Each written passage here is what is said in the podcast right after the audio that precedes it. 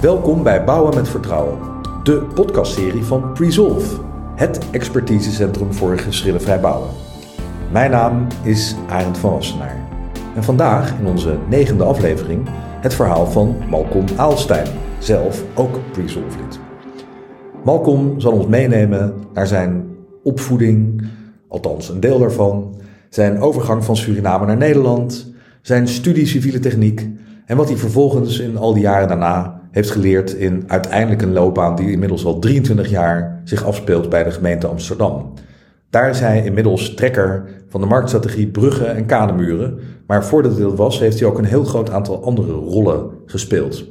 Over al die rollen, over een aantal andere ervaringen, bijvoorbeeld in zijn recente sabbatical, over de rol van muziek in zijn leven, dat alles gaan we met Malcolm bespreken. Welkom, Malcolm. Dankjewel, Arend. Ik heb er zin in. Mooi zo, dat hebben we allebei. Nou, Malcolm, ik heb al een paar dingen over je verteld, maar het is eigenlijk veel beter dat je dat zelf vertelt. Dus vertel.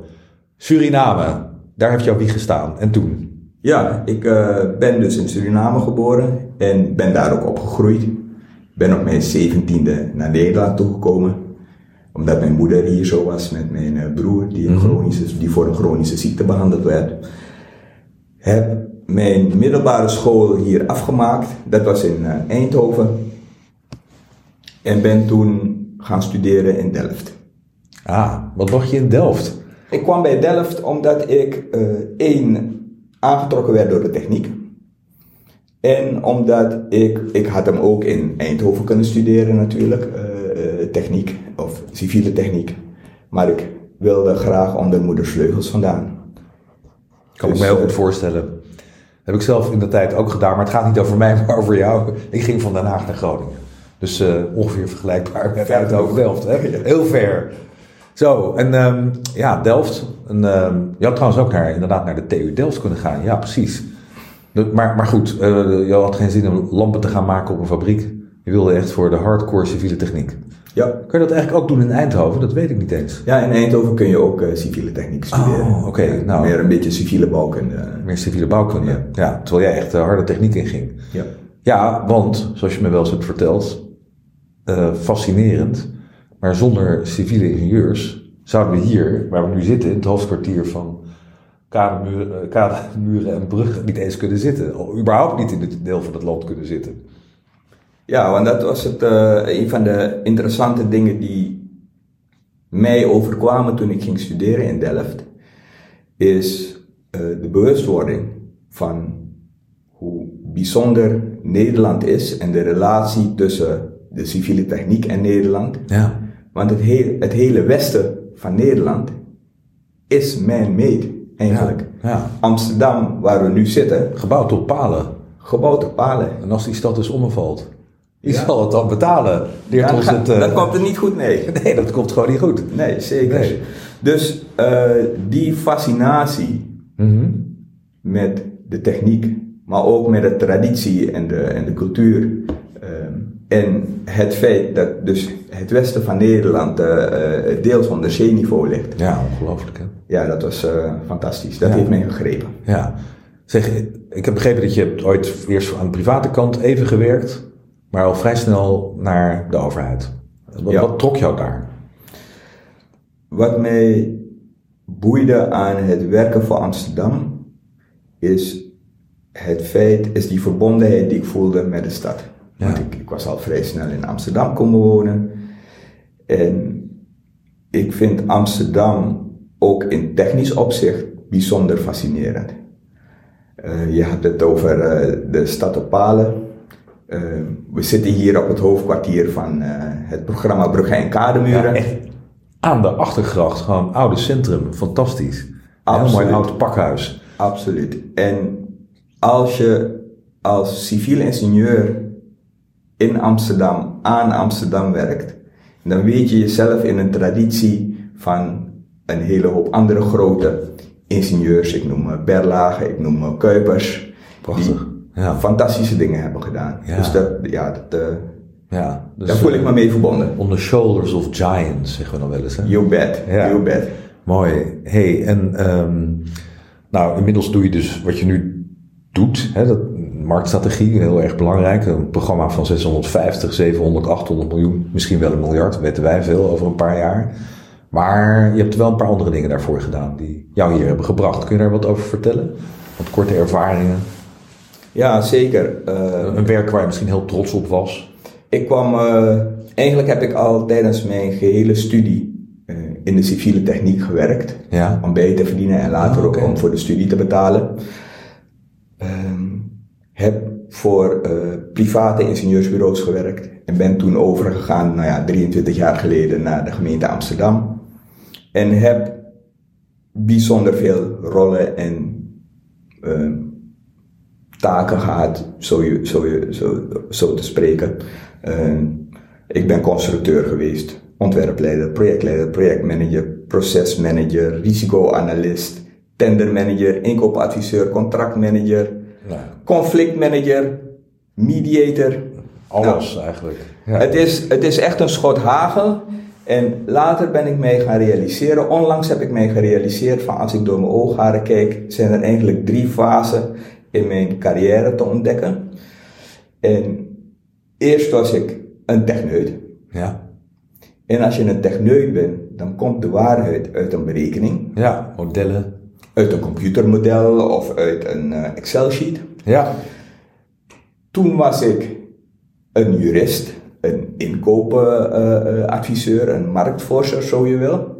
En dan komt de waarheid, volgt uit de wet, de jurisprudentie en de uitleg van het contract. Ja, en er is maar één uitleg mogelijk. De letter. Voor, voor de contractmanager. ja, precies. En nu ik mij bezig hou met samenwerken en samenwerking, ben ik tot de ontdekking gekomen dat de waarheid iets is dat zich ontvouwt, dat zich onthult in het gesprek tussen twee of meerdere mensen. Ja. En ik zit even dan na te denken wat dat dan, die fase waar je het over hebt, hè, dat de techneut, tender, inkoopmanager en nu samenwerking, dat die eerste twee, die techniek en dat contractmanagement, dat zijn dingen, nou, die zou je eigenlijk gewoon kunnen leren. Klopt. Toch? Dat, ja. dit, iemand die techneut is, die wordt geacht al die opleidingen te hebben gehad, ervaring te hebben gehad. Ja. Allemaal diploma's, die kan dat gewoon. En als hij het niet kan, doet hij het verkeerd. Dan is hij gewoon fout. Ja. En een contractmanager, die kan dat ook gewoon. Want het is gewoon een mooi contract maken. Maar samenwerking, dat is iets niet wat je zomaar kunt leren, lijkt me zo. Tenminste, dat, dat, je kunt het wel uitleggen aan iemand, maar dat moet je ervaren, lijkt mij. Of deel je die opvatting? Precies dat, uh, Arend. Uh, er zijn dingen die je uit boekjes kunt leren. Ja. En samenwerken, dat is iets wat je in de praktijk leert met vallen en opstaan. Ja. Met goede voorbeelden die je, uh, waar je op kan richten. Hmm. En ehm, nou ja, helemaal mee eens. Ja, je, vertelde me, je vertelde me dat je in een band hebt gespeeld in ieder geval, misschien Ja. nog steeds. Nee, niet meer. Dat, dat Maar- lijkt me ook samenwerking. Is daar een soort eh, verband, een brug te bouwen tussen wat je daar doet in zo'n band en samenwerking op projecten? Nou ja, het, het interessante van in een eh, band spelen is dat eh, elkaar aanvoelen is heel belangrijk. Ja. En ehm, heel goed luisteren. Het belangrijkste wat je kan doen, of wat je, wat je te doen staat als je in een band speelt, zeker als, als het over geïmproviseerde muziek gaat, is bijzonder goed luisteren naar wat de rest aan het doen is. Ja. En de balans vinden tussen de leiding nemen en eh, geleid worden, zo je wil. Begeleiden. Begeleiden, absoluut. Maar in de muziek gebeuren er ook mooie dingen, gebeuren ook mooie dingen die, die we kunnen gebruiken of toepassen in, in de bouw, in onze scene, zeg maar. Bijvoorbeeld, ehm, als iemand een fout maakt tijdens de repetitie, als ik een fout maak, Mhm. ben ik heel snel om mijn vinger op te steken en te zeggen van jongens, eh, het, het- ik was het die net het verkeerde deed. En laten we dit eh, stuk even opnieuw doen. Ja. Meteen de verantwoordelijkheid naar je toe trekken Ja. voor de fout die je maakt. Ja. En in de bouw zie ik toch dat, eh, één, dat als er fouten worden gemaakt, ehm, die fouten op tafel liggen en we er met z'n allen naar kijken. En eerst het gesprek komt van ja, maar wie heeft deze fout gemaakt? Met de vinger wijzen. Het oordeel Ja. staat voorop. Ja. In plaats van de oplossing of wat kunnen we ervan leren. Ja. Overigens zie ik dat wel kantelen. ja. Oh, daar ben ik heel geïnteresseerd in.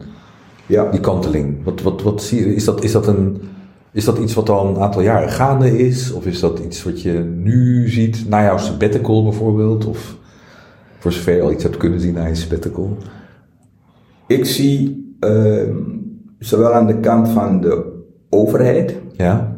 laat ik het over Amsterdam hebben, als aan de kant van de aannemers, de aannemerij, eh, echt de wil om ehm, dat uit die verwijtende sfeer eh, eh, te treden. Ja. En samen eh, verder te ontwikkelen en samen te leren en samen beter te worden. Mooi. En dat is ook een van de missies die ik heb, zo je wil. Ja. Want naast het programma Bruggen en Kademuren heb ik nog een andere bezigheid binnen de gemeente Amsterdam die ook met markt en inkoop te maken heeft. En nou ja, in die categorie heb ik een, best wel een aantal activiteiten, maar die vallen allemaal, die zijn eigenlijk allemaal samen te vatten onder de noemer Ehm, hoe kunnen wij vanuit Amsterdam de samenwerking met eh, de markt, de aannemerij aan de andere kant eh, verbeteren, zodanig dat wij hogere meerwaarde voor de belastingseuro krijgen. Ja, ja, ja. Maar tegelijkertijd ook dat wij de markt op zodanige manier aanspelen dat er een gezonde, financieel gezonde bedrijven ontstaan en zijn Ja. dat het interessante werkgevers zijn en dat er ook ruimte gevoeld wordt bij hun om te innoveren. Ja. Dus het gaat, ik zie dat we ook echt eh, verantwoordelijkheid moeten nemen om die markt te creëren die we willen hebben. Ja. En daarvoor helpt het natuurlijk niet om die oude rol waar het daarvoor over had, die van contractmanager, strikt naar de letter, om daarop te blijven hameren. Absoluut. Zeker omdat jij en ook ik weten, want we hebben voor de luisteraar onlangs op 22 september een voordracht eh, gehouden, althans eh, samengewerkt in een, contract, eh, in een eh, congres van het Instituut voor Bouwrecht naar een roadmap voor nieuwe contractvormen. En wij gingen het hebben over houding en gedrag. En over dat soort dingen. Kun je daar wat meer over vertellen? En ook wat je, jouw observaties waren over bijvoorbeeld Oliver Hart en David Friedlinger. Ja, nou ja, dat is. eh, In dit kader. Ja, dat is, eh, dat, ik vind dat bijzonder interessant, eh, omdat ehm, Oliver Hart die heeft het over het feit dat contracten in principe en fundamenteel incompleet zijn. Ja.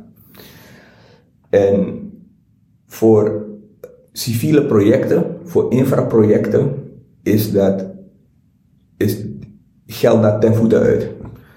Omdat de, eh, hetgeen we in het contract eh, opnemen, eh, dat we nooit de hele werkelijkheid eh, kunnen beschrijven in het contract, alle mogelijke situaties die kunnen voordoen, omdat de omgeving veelvormig en instabiel en bijzonder eh, volatiel is, eh, als ik dat Ja, woord mag omgeving in de ruimste zin des woords heb je het dan ook over. Hè? Dus, Omgeving in de ruimste zin des Ja, woords. ja. Omdat we eh, vaak niet weten wat er in de grond zit of wat de toestand is van bestaande constructies en Oh ja. noem maar op. Dus heel veel onzekerheden.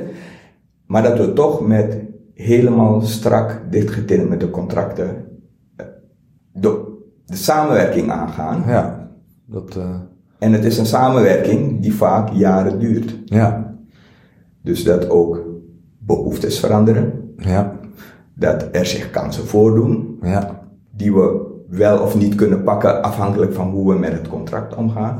Nou, het fijne van op deze manier naar je overeenkomst kijken, is dat je beseft dat je ruimte voor ontwikkeling en ruimte voor inspelen op de situaties die zich voordoen wil gaan inbouwen. ja. Je bedoelt kijken op, met, met deze blik van de, het besef dat contracten incompleet zijn. Met het besef dat de contracten incompleet zijn. En dat betekent, als je, het moment dat je dat besef goed tot je door laat dringen, ehm, is, gaat iets anders, wordt iets anders belangrijk. Ja. Namelijk dat je op een ander niveau afspraken wil gaan maken. En dit heb ik eh, niet zelf verzonnen, Nee? ehm, maar het heeft wel zeg maar de snaar geraakt eh, eh, die bij mij eh, op dat moment ook aan het trillen was. Is dat als je kijkt naar wat Visatech en Friedlinger schrijven, Ja? of die zijn met het vested denken, maar ook ehm, het boek dat ik in mijn sabbatical heb gelezen, Contracting for the New Economy, zeggen, is dat ze zeggen van ja, eigenlijk als je een lange termijn relatie met elkaar aangaat, lange termijn samenwerking, wat je niet moet doen, is de oplossing voorschrijven. Ja. Wat je moet doen, is afspraken maken over hoe gaan we met elkaar samenwerken. Wat zijn de guiding principles? Natuurlijk heb je wel een contract. En heb je daarin de nodige dingen beschreven. Ja, want je wil wel heel graag de vraag voorschrijven die opgelost Je wil de vraag voorschrijven. Ja. Je wil ook de context meegeven. Ja. Je wil ook eh, eh, duidelijk zijn wat, hoe de risico's verdeeld zijn en wie Ja. waarvoor verantwoordelijk is. Maar dat is met name bedoeld ook om de verwachtingen over en weer eh, voor elkaar te krijgen. Ja. Maar mooi dat dat bij jou die snaar deed trillen. Want ik kan me voorstellen dat het voor een Delfts ingenieur, die immers is opgeleid om voor alle vragen oplossingen te verzinnen, gewoon een enorm soort omdenken is om dat helemaal van de andere kant te gaan bekijken. Maar Ja, dat is jou kennelijk gelukt. ja. Al een tijdje. Ja, door schade en schande Arend. En doordat ik met een heleboel gave mensen gesproken heb, Ja. Zowel in de wetenschap, de overheid als de aannemerij. En ja, de nodige projecten ook eh, eh, aan mijn broek gehad heb, eh, die niet helemaal liepen zoals het in het contract beschreven was. Ja. Dus Eigenlijk geen enkele. je hebt het gewoon live gezien. Live. Het klopt gewoon wat Friedlinger en Hart schrijven. Ja. Alle contracten zijn incompleet. En je hebt dus guiding principles nodig die je samen moet ontwikkelen om die samenwerking vorm en inhoud te geven. Absoluut. En daarin past wat jij zegt, ook naar elkaar luisteren. Absoluut. Dat sabbatical hè, dat je nu hebt gehad, hoe lang heeft dat geduurd? 15 weken. 15 weken. Ja. Wauw. Een soort van mini-zwangerschapsverlof. Maar kan je dan vertellen wat, wat voor kind er uiteindelijk is geboren aan het einde daarvan? Althans, welke vrucht heeft dat bij jou teweeggebracht? Welke inzichten heeft dat, voorbeelden van inzichten die... Nou, het belangrijkste wat ik ontdekt heb, ehm, of bevestigd heb gekregen eh, tijdens mijn sabbatical, is dat ik qua werk en qua ontwikkeling echt helemaal op mijn plek zit. Ook qua onderwerp waar ik mee bezig ben. Ja. Dus dat ik geen uh, yogaleraar uh, hoef te worden of uh, pizzabakker. Alleen dat al is, is heel fijn. Ja. En ik heb een hele hoop gave boeken gelezen en daarop uh, kunnen reflecteren. Mooi. Waaronder uh, het, uh, het, boek van Visatech en Friedlinger, waar ik het zo net over had. Mooi. Um, en ik heb tijdens mijn sabbatical heb ik mezelf één dag spijbelen gegund. En dat was het congres uh, waar we elkaar tegenkwamen. Waar elkaar tegenkwamen, ja. Wat heel leuk was. Je hebt me ook uh, in onze voorgesprekken iets verteld wat je overkwam in Suriname toen je op straat liep. Ik vind het aardig om daar nog iets over te vertellen. Het heeft me enorm getroffen, dat verhaal wat je daar vertelde over jezelf openstellen en luisteren. Ja, Suriname heb ik altijd gezien en ervaren als best een gesegregeerde maatschappij. Mm -hmm. Dat wil zeggen, je hebt de verschillende etnische groepen, maar je hebt ook de verschillende klassen. Klassen, oké. Okay. Oh, dat had ik me nooit gerealiseerd. En uh, de upper, middle en lower class. En de, dat tussen die groepen echt een zinvolle uh, connectie of een zinvolle uitwisseling, dat dat niet vanzelfsprekend was. Nee, dat is vooral transactioneel, stel ik me dan voor. Je hebt iets nodig van een lagere klasse, een dienst of een goed. Dat koop je dan en dat krijg je dan en dat is het, of zoiets. Nou ja, het is vaak, het is, ik vond het niet, niet altijd even gelijkwaardig en ik vond ook de, uh, uh, dat er veel stereotype beelden over en weer leefden. Ja. En het interessante eh, is dat ik naar Suriname ben geweest in september. En een land daar aantrof dat economisch volledig aan de grond zit. Oh ja. En ook nog de corona daaroverheen. Ja, natuurlijk. Ja. En het is, eh, het is eh, best schokkend. Maar tegelijkertijd heb ik daar een land aangetroffen of mensen aangetroffen met wie ik bijzonder eh, goed en makkelijk de verbinding aan kon gaan. Dus, dus het land is veranderd. Dus het land is veranderd en ik heb mij daarover afgevraagd van hoe kan dat nou tijdens een crisis? Ja. En ik dacht van wellicht dat de crisis de mensen eh, dichter tot elkaar brengt en dat zou kunnen. Maar ik ben ook tot het inzicht gekomen en, en hier gaat het bij mij om dat ik met een hele andere mindset of een hele andere houding Suriname heb bezocht. Dus, En mij open heb gesteld voor alles en iedereen wat ik zag. dus jij was veranderd. Ja, Ja, mooi. ja. Dus doordat jij nu had opengesteld en kon luisteren en met iedereen kon praten, leek het net alsof Suriname was veranderd. Ja, Dat misschien ook wel een beetje zo was, maar vooral jij. Ja, ik denk dat echt de wijze waarop je het, en dit is misschien een onhandig woord, de wijze waarop je het systeem tegemoet treedt, bepaalt hoe het systeem op jou reageert. Ja. Hoe, je, hoe het systeem zich tot jou verhoudt. ja. Ik, ik zie hier een enorme brug, om dat woord maar te gebruiken, naar andere podcasts die eerder in deze serie zijn gemaakt, waarbij de mensen die ik sprak het daar ook over hadden. Het zich openstellen, het zich kwetsbaar opstellen eh, en daardoor de verbinding met de andere kant, het leren luisteren kunnen aangaan. Wat dan vervolgens leidde tot een veel betere samenwerking op projecten. Ja, ja absoluut.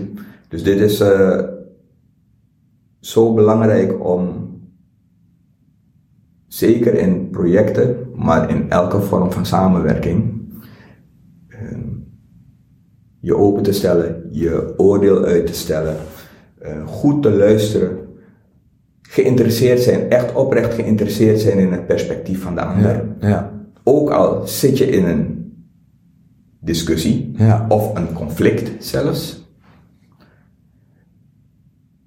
Ik denk dat daar de magic zit. Ja. Ik, ik, ik zie een hele mooie lijn in jouw verhaal eh, komen. Hè? Ook door die drie fasen waar je het over had. Die technische fase, de, de contractmanagementfase en nu deze samenwerkingsfase. Ehm, je kunt eh, uit die eerste twee fasen bijvoorbeeld situaties eh, tevoorschijn toveren in je herinnering waarbij dingen fout gingen. En waarbij, zoals je zelf zei, eerst wordt gekeken naar wie heeft eigenlijk die fout gemaakt. En als je dat dan hebt gedaan, kun je vervolgens een brief schrijven en zeggen: Jij bent fout, ga het probleem maar oplossen. Jij bent aansprakelijk, betaal maar. Of los het maar op, of je krijgt een boete, of weet ik veel. Ehm, en, en zo hebben we dus bouwgeschillen, want daar moeten we uiteindelijk naartoe. Want we willen graag naar geschillenvrij bouwen als het eh, mooie slotonderwerp eigenlijk van deze podcast. Ehm, oorzaken die een technische of een juridische of een administratieve toestand hebben. Maar die samenwerking waar je het nu over hebt en die je nu steeds mooier begint te leren en waar te nemen in je eigen rol daarin ook. Is dat dan het magic dat je nodig hebt om ervoor te zorgen dat er dan niet een ontploft geschil uitkomt? Of dat het toch weer goed komt? Of dat die fout weer wordt opgelost op een manier die misschien veel optimaler is? Ja, ik Hoe, denk, hoe, hoe, hoe moet ik dat dan zien? Waar, waar ik denk, dat ik aan? denk dat het inderdaad belangrijk is om je echt open te stellen en te willen verdiepen in de ander. Ja? Die ook eh, nou ja, zijn eigen, ook in een systeem zit, zeg Ja. maar. Een beeld heeft. een beeld heeft. Maar het is niet allemaal koek en ei. En ook dat moet je omarmen, denk ik. Ja. Eh, conflicten worden, als die optreden, of heftige discussies, laat ik ze zo noemen, als die optreden, eh, worden die door partijen vaak ervaren als een falen of eh, het gaat niet goed hier. Ik ben steeds meer gaan geloven dat conflicten of heftige discussies, ook als er emotie bij komt, dat die belangrijk en nuttig zijn om de vooruitgang eh, voor elkaar te krijgen, om issues die spelen, die misschien tot dan toe nog niet goed zichtbaar waren, scherp te krijgen. Ja. En het gaat erom, als zo'n situatie zich, zo'n conflictueuze situatie zich voordoet, hoe ga je ermee om? Ja. Dus hoe conflictcompetent is de organisatie? Ja, dus je zegt... Is de samenwerking? Dus je zegt, er is, de eerste laag is die waar het conf- de oorzaak voor een mogelijk conflict of een conflict zou kunnen Ja. zijn. Die kan van alles zijn. Maar het gaat om die tweede laag waar je het over hebt, de conflictcompetentie. Hoe ga je daarmee om? Hoe geef je ook lucht aan die emoties, hoor ik je zeggen? Ja, En hoe gebruik je dat allemaal om op dat niveau het eigenlijk op te lossen? absoluut. Zodat het weer teruggaat naar het eerste niveau en daar gewoon kan worden opgelost. Absoluut. Op een wijze die voor iedereen oké is. Ja. Want als je dat op een goede manier doet, eh, brengt een conflict je echt verder. Ja. Dan het, het mooie van een conflict, het mooie wat een conflict eh, teweeg kan brengen, is dat die doorbraken veroorzaakt. Ja. Dat je over en weer scherp kunt gaan krijgen van waar zit het belang, of waar zit de pijn, of waar zit de Ja. irritatie nou eigenlijk. Ja. Het goed handelen van een conflict is groei. Ja, dat is mooi. Dus eigenlijk zeg je, kijk, eh geschillenvrij bouwen, prachtig woord, maar ehm, wat we dan eigenlijk bedoelen is ontplofte, geëscaleerde, Precies. te arbitraire geschillen vermijden. Maar Ja. dat betekent helemaal niet dat je niet ergens totaal van mening over kunt verschillen, daar een conflict over kunt hebben, daar met de vuist op tafel kan slaan. Ja, Geef daar maar ruimte aan. ja. Dat werkt. Absolutely. En het interessante, er zijn, er zijn een heleboel dingen hoe je conflictcompetent kunt worden. Dat kun je niet in je eentje. Ik denk dat het systeem moet conflictcompetent zijn, of de organisatie moet conflict, Ja. of de samenwerking is conflictcompetent. Maar het gaat over dingen als dat als je in het conflict zit, niet al meteen a priori ervan uitgaat dat de ander de bad guy is. En ik maak er een karikatuur van, maar dit komt in een Ja. hele hoop. En de bijbehorende juridische brief schrijft. Met de letter van het contract in de hand. Ja, het schrijven van die brief is misschien soms wel nodig, Ja. omdat je ook over en weer je dossier wil opbouwen. Ja. Maar het schrijven van die brief hoeft niet de relatie of het oplossen van het conflict in de weg te staan, als je de brief op een goede manier inbedt, En ook aankondigt. aankondigt, Uitlegt. bespreekt, Ja. aangeeft waar het vandaan komt. Ja. En waar het misschien wel nodig is om een recht te bewaren of iets dergelijks. En het kan best zijn dat je die brief niet verstuurt, als je eenmaal dat gesprek hebt gehad met elkaar. Ja. Mooi. Conflictcompetentie. Dat is het toverwoord. Mooi, Malcolm. Ik denk eigenlijk dat we door deze prachtige samenvatting die je aan het einde geeft, deze apotheose, zo'n beetje wel aan het einde komen van wat ik met jou had willen bespreken. Denk je niet? Nou, we hebben meer dan genoeg te bespreken, Arend. Ja, maar we hebben ook nog Maar we, doen het, we houden dit op een... eh, We houden het gewoon binnen de tijd die we nu hebben. Dankjewel, Malcolm. Ik, eh, ik ben heel erg dankbaar voor, eh, voor jouw inzichten. En ook heel dankbaar dat je deze, dit sabbatical hebt mogen hebben. Omdat het weer ons als systeem en als maatschappij op de een of andere manier ook weer iets nieuws heeft geleerd.